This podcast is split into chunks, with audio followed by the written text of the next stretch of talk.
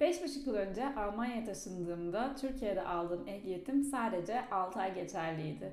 Bu ilk 6 aydan sonra Almanya'da Türk ehliyetimle araba kullanmam mümkün değildi. Bu nedenle ehliyet değiştirmeye başvurdum ve Alman ehliyetini aldım. Bu videoda sizlere Türk ehliyetinizi Alman ehliyetine değiştirirken toplayabileceğiniz evraklar ve sürecin nasıl ilerlediğinden bahsedeceğim. Eğer siz de Almanya'da ehliyet değiştirme sürecini merak ediyorsanız haydi başlayalım. Führerschein kelimesi Almanca'da ehliyet anlamına gelirken Umschreibung ise değiştirme anlamına geliyor. Değiştirme süreci istenilen evraklar ve başvurulan yer bölgeden bölgeye değişiklik gösterdiği için doğru bilgiye ulaşmak istediğinizde Führerschein Umschreiben yazıp daha sonrasında yaşadığınız şehri yazabilirsiniz. Böylece sizden istenilen evraklar listesine ve hangi kuruma başvurmanız gerektiği ile ilgili bilgileri bulabilirsiniz. Bazı şehirlerde randevu alarak bu kurumlara gitmek gerekiyor olabilir ama bazılarında ise randevusuz işlem yapılabiliyor. Peki ehliyet değiştirme sürecinde genel olarak hangi evraklar isteniyor? Şimdi bir de bunun üzerine konuşalım. Türk ehliyetinizi değiştirmek istediğinizde ihtiyacınız olan evraklardan biri ADAC Übersetzung yani ehliyetinizin Almanca'ya çevrilmesi.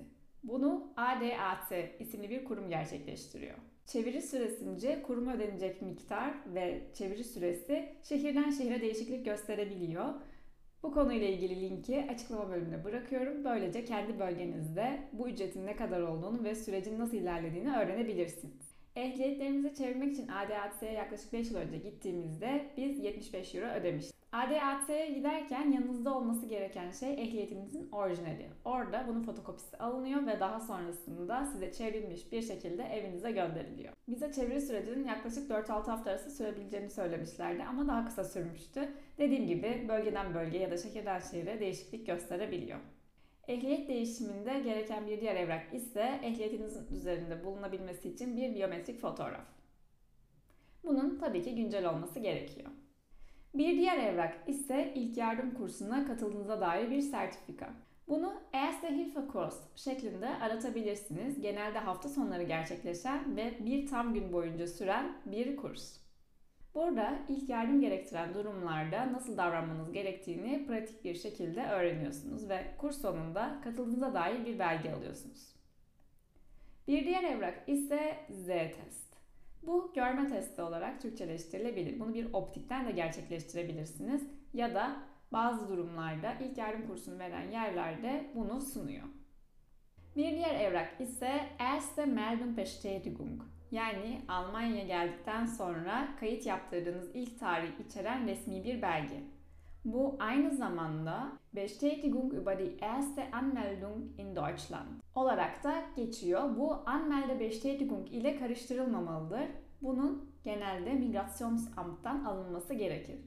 Bunu almadan önce konuyla ilgili başvurduğunuz kuruma yani Führerscheinstelle ya da Bürgeramt'a sorabilirsiniz.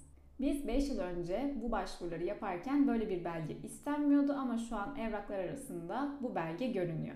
Dediğim gibi şehirden şehire ya da bölgeden bölgeye değişiklik gösterebilir. Bu nedenle ilgili kurumla iletişime geçmekte her zaman fayda var. Evrakları teslim etmeden önce bir sürücü kursuna kayıt olmanız gerekiyor ve bir başvuru formu doldurmanız, bu başvuru formunun da sürücü kursu tarafından onaylanması gerekiyor. Başvuru formunun Umschreibung için olması gerektiğini unutmayın. Başvuru formunda teori sınavına hangi dilde gireceğinizi seçebilir, aynı zamanda ehliyet tipinizi de belirtebilirsiniz. Yani otomatik mi yoksa düz vites mi şeklinde bir tercih yapabilirsiniz. Aynı zamanda kursa kayıt olurken de Umschreiben demeyi unutmayın. Çünkü kursa kayıt ücretleri ve daha sonrasındaki ilerleyen süreç burada değişiklik gösteriyor.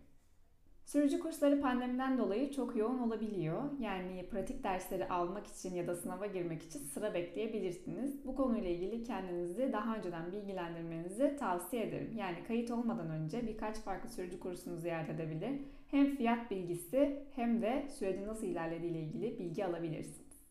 İstenilen son iki evrak ise ehliyetinizin orijinali ve kimliğiniz yani pasaportunuz. Eğer ilgili kuruma randevu ile gidiliyorsa evrakları toplama sürecinizin uzun sürebileceğini göz önünde bulundurun ve randevu tarihini ona göre ayarlamaya çalışın. Eğer direkt olarak randevu olmadan gidebiliyorsanız böyle bir durumda endişelenecek bir şey yok. Evrakları teslim ederken bir başvuru ücreti ödemeniz gerekiyor. Bu bölgeden bölgeye yine şehirden şehire değişiklik gösterebiliyor. Başvuru sürecinde Express seçeneğini tercih ederek başvuru sürecinizi hızlandırabilirsiniz. Pandemi öncesinde biz başvurduğumuzda bize bu sürecin yaklaşık 4-6 hafta sürdüğünden bahsetmişlerdi. Expressoğlu'nda ise 2 hafta sürüyordu. Pandemi sonrasında ise öğrendiğim kadarıyla Stuttgart'ta evrakların onaylanması yaklaşık 3 ay sürüyor. Tabii ki de farklı bölgelerde ya da şehirlerde daha uzun ya da daha kısa sürebilir.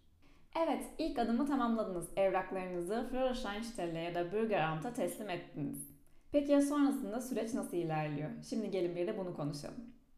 Kaydınız onaylandıktan sonra artık teori sınavına girebilirsiniz. Peki teori sınavına nasıl hazırlanılır?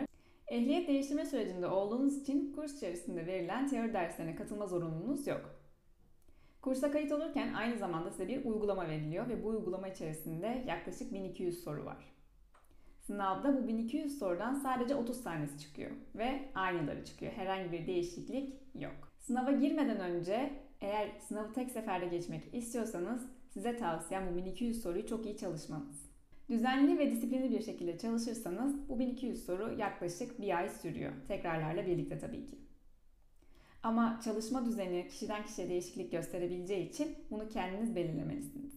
Yani sınavdan tek seferde geçebilmek için doğru bir tarihe karar vermekte ve düzenli çalışmakta fayda var. Teori sınavında birçok farklı soru çeşidi var. Bunlardan bazıları resimli, bazıları ise videolu ve her bir sorunun farklı bir puanı var. Sınav 100 puan üzerinden değerlendiriliyor. 90 ve üstü aldığınız takdirde herhangi bir sorun yok. Sınavı geçmiş oluyorsunuz. Fakat burada ince bir nokta var. Eğer 2 tane 5 puan değerinde bir soru yanlış yaparsanız her ne kadar toplamı 10 olsa da yine de geçemiyorsunuz. Buna dikkat etmekte fayda var. Kendinizi sınava hazır hissettikten sonra randevu tarihini sürücü kursu aracılığıyla ayarlayabilirsiniz. Sınav 45 dakika ve az önce de bahsettiğim gibi 30 sorudan oluşuyor ve bir tabletten gerçekleştiriliyor. Sınav dili sizin tarafınızdan başvuru formunda belirtilmiş oluyor. Yani bu sınava dilerseniz Türkçe'de girebilirsiniz. Böyle bir durumda uygulama içerisinde yine Türkçe seçeneğini seçerek soruları çözmenizi tavsiye ederim. Yoksa işler birazcık karışık hale gelebilir. Teori sınavını sonlandırdıktan sonra oradaki yazıcıdan direkt olarak sonucunuzu alabilirsiniz. Teori sınavını başarıyla geçtikten sonra şimdi geldi sıra direksiyon derslerinin. Ehliyet değiştirme sürecinde olduğunuz için size belirtilen bütün dersleri almak zorunda değilsiniz. Almanya'da ilk kez ehliyet alanlar için belirlenmiş bir sürüş programı var. Fakat bu ehliyet değiştirme yapanlar için geçerli değil. Burada alacağınız ders sayısı tamamen sizin sürüşünüze ve sizinle ilgilenen öğretmene bağlı.